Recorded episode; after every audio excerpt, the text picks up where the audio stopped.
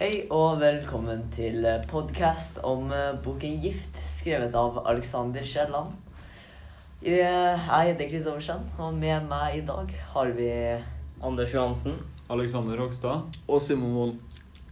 Jo, vi kan jo innlede denne podkasten med et greit spørsmål. Så hva syns dere om boka? Eller skal vi spørre deg, Anders? Hva syns du om boka? her? Eh, Jeg syns den boka her var ganske spennende å lese. Eh, Veldig interessant. Særlig med tanke på det med tema. For når, sånn, når, jeg leser i bok, så bruker noe av det første å være eh, at jeg legger merke til hva, hva for noe tema det er i boka. Innledningsvis i boka her så syns jeg det ble veldig tydelig at temaet var ja, Det handla om noen slags kritikk av skolen eller skolesystemet. Jeg følte at skolesystemet ble kritisert både direkte og indirekte flere ganger. Eh, Det ble kritisert indirekte i f.eks. de scenene i boka hvor elevene er i skoletimer. Eh, Da portretteres lærerne som ganske ekle, og man kan nesten si at de er giftige. Eh, Det ble også gitt et uttrykk for at forholdet mellom elever og lærere er veldig i stor del påvirka av elevens prestasjon på skolen. Eh, De som gjør det dårlig, de blir nesten mobba, eller i hvert fall ignorert av læreren. Eh, Mens de elevene som gjør det bra, de slipper unna med det her. Man kan med andre ord si at eh, det er lærerne sin dårlige oppførsel i klasserommet og deres inhabilitet til å lære bort til elevene sine som kritiseres. Ja vel. Men skolesystemet kritiseres også indirekte. Da, nei, direkte, mener jeg. Da var f.eks. at eh, Wenche Løvdahl sier at hun misliker at foreldrene får en såpass liten rolle i skolen eh, som de har. Eh, akkurat der er det jo lett å se at hun kan bli irritert. Det er jo tross alt deres egne barn som går på skolen. Ja. Eh, også mora til lille Marius kritiserer skolen. Eh, hun sier at eh, elevene lærer, det elevene lærer på skolen, er ganske ubrukelig i det virkelige, virkelige livet. Senere i romanen så blir det mer og mer tydelig at andre tema i boka kan være eh, makt, eh, kjærlighet og utroskap, mot, død, vennskap, bare for å nevne noen. Men likevel så er det ikke noen av de her temaene jeg mener jeg sitter igjen med som det største temaet i boka etter at jeg er ferdig med å lese den. Eh, Det mest sentrale temaet mener jeg faktisk er oppdragelse. Grunnen til det her det er at det er så lett å koble alle andre undertema til det her temaet oppdragelse. Eh, Tittelen på boka, 'Gift', summerer det ganske bra.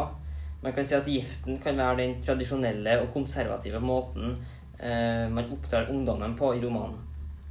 Da f.eks. lille Marius dør, så kan man jo også si at den, det var en konsekvens av oppdragelsen i samfunnet, og at oppdragelsen har funka som en gift på han, da, som hadde gjort at han døde.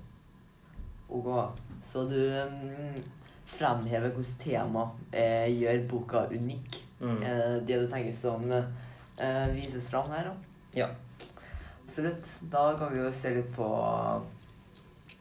Ja, jeg ser mye av dere trådene du trekker, da, men eh, om jeg bare kunne få skyte inn, da. Du nevnte jo kjapt eh, hun eh, fru Wenche, da. Eller eh, Løvdahl heter vel egentlig når jeg legger fru foran, da. Men i hvert fall i forhold til Abraham, da, er det litt mer sånn at eh, Faren er jo en veldig spesiell person, og han er jo litt sånn høytidelig, mens derimot hun Wenche Hun er jo litt sånn ut fra samfunnet. Er ikke de liksom litt sånn motpoler i romanen og har eh, helt forskjellige verdier de ønsker å bringe med Man ser jo det i oppdragelsen av Abraham. At eh, professor Løvdahl er mer konservativ i sin måte å oppdra Abraham på.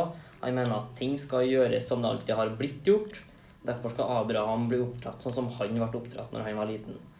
Eh, professor Løvdahl er også høyt utdanna, så det gir jo han en ganske stor eh, viktig rolle i samfunnet, og dermed også en viktig rolle i familien. Eh, professor Løvdahl er også kristen, så det også påvirker hans eh, måte å oppdra Abraham på. Eh, Fru Wenche er jo egentlig ja, en motpol til professor Løvdahl. Hun er litt mer radikal, mener at uh, man må tenke litt kritisk. Tenke for seg sjøl og stå for det man mener. Ja. Og det ser man jo ganske klart og tydelig i hvordan Abraham oppfører seg. Eh, Da han står opp imot lærerne som ja, på grensa til å mobbe eh, lille Marius. Det viser på en måte den tankegangen som fru Wenche har lært ham. Ja. Eh, Men så er det jo likevel professor Løvdahl sin måte å oppdra barnet som kommer mest fram For at når han begynner da å ignorere Abraham, så er det jo liksom det er jo professoren han begynner å høre på. Mm. Det er han som blir en, da en, eh, den største figuren i hans liv. Ja vel. Så du kaller jo Wenche litt mer sånn uh, utradisjonell oppvekstmåte og oppdragelse. Ja. Um, kan noen her si litt om uh, hvordan det kommer til uttrykk, eller hvordan det vises fram? Har vi noen eksempler på det? Ja, jeg kan jo dra et lite eksempel som eh, kan diskuteres. Det er litt senere i boka. Vi befinner oss litt mer mot slutten av boka, og da har jo fru Wenche kommet ut her og sagt at eh, når Abraham tenker å konfirmere seg, så er det da en port på vei inn til en løgn. Og det, gjennom hele boka så ser jo vi egentlig at Wenche er en person som skiller seg litt ut, og som er nevnt her da at hun har sine egne verdier. Hun står sterkt for sine egne meninger, men siden hun da er en kvinne på den tida av samfunnet, så er det ikke sikkert at hennes tanker blir like verdsatt. da. Så hun prøver derfor å inspirere Abraham til å tenke selv flere ganger i boka, sånn at i hvert fall Abraham da, tenker over å konfirmere seg, og gjør det for at han faktisk vil det. For vi vet jo egentlig fra før at Abraham ikke ønsker å føle seg kristen eller så veldig høytidelig. Det er mest fordi at eh, professor Løvdahl er konfirmert, og Abraham ikke vil skuffe han. da. Men eh, så til poenget da, at porten til løgnen da, er jo da når eh, Hvis Wenche som en mor lar Abraham legge sine verdier til side og lar han følge i professor Løvdahl sine spor og da konfirmere seg, så åpner han da opp til en stor løgn han er nødt til å leve med, at han vil da framstå som kristen, selv om han egentlig ikke er det.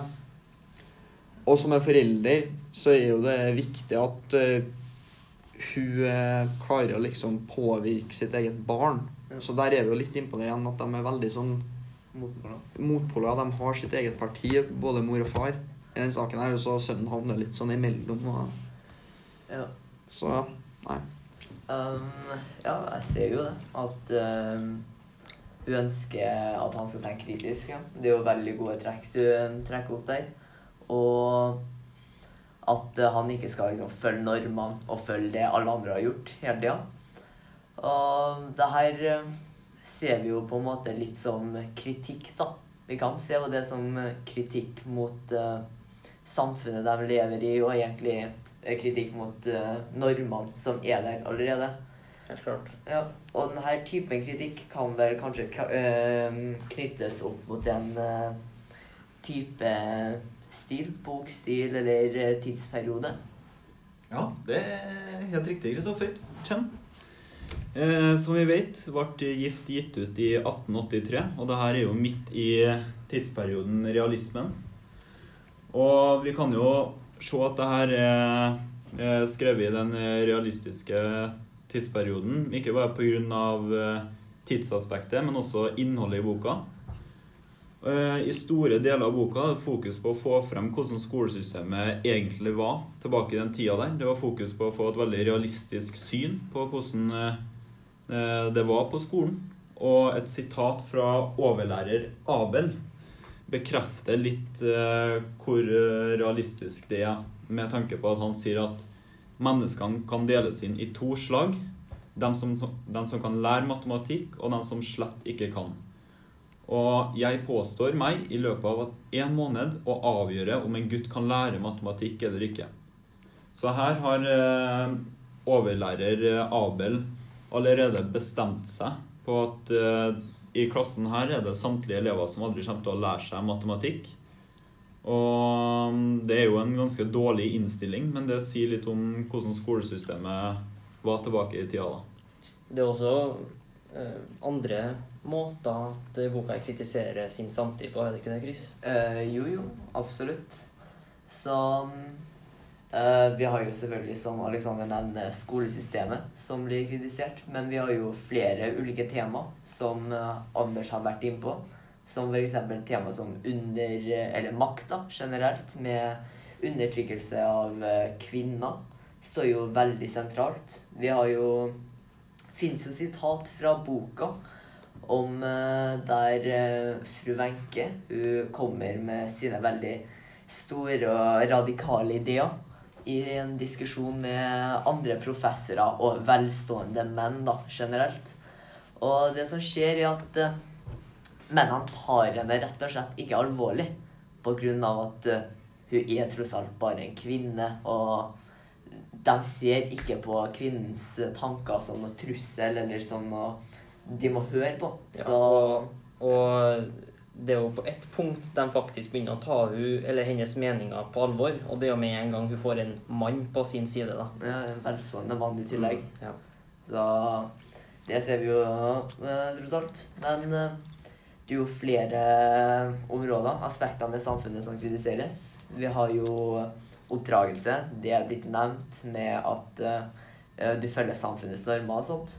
Men vi har også kirken og kristendommen, som Simon, Simon var innpå med portens løgn at uh, folk gjør det bare fordi det er sånn folk har gjort hele tida. Kirken har makt, så å si. Um, så kan vi jo også dra inn det med klasseforskjeller. Om at uh, uh, Karsten, eller herr Løvdahl, han var jo f.eks. ikke særlig fornøyd med vennskapet til Abraham og Marius. Med, særlig med tanke på at uh, han sier det rett ut at etter skolen så går folk i forskjellige retninger. Og det som skjer, er at Marius han står ikke særlig sentralt i samfunnet. Så det er jo åpenbart at han kommer til å gå nedover, mens Abraham kommer til å gå oppover. Og det er jo en type klasseforskjell som eh, vises fram i samfunnet. Og vi kan jo se litt, også se litt på Marius sin betydning for Abrahams utvikling. Det er Abraham Abraham eh, blir jo sterkt påvirka av Marius.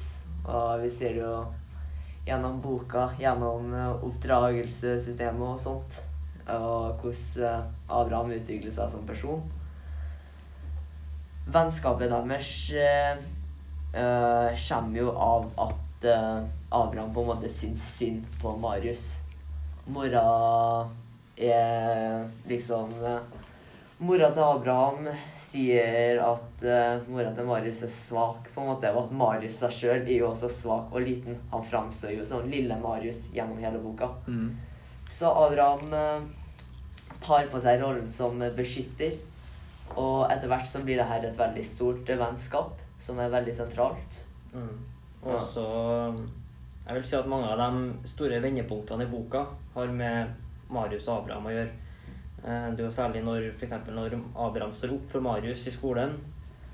Da, da kommer et lite vendepunkt. Eh, Og også når Marius dør, er et ganske stort vendepunkt for Abraham. Ja. Så man kan si at Marius hadde både påvirkning på Abraham før og etter sin død. Ja, men eh, det ser dessverre ut som tidsskjemaet vårt begynner å bli litt trangt her nå, hvis vi skal rekke å få levert inn her. Så vi har mye mer gjerne skulle ha diskutert. Vi har jo egentlig ikke delt litt sånn ettertanker om boka heller, men eh, ja. Det var det vi hadde tida til her i dag. Så tusen takk for at du hørte på. Og ha en trivelig kveld videre. Ha det bra!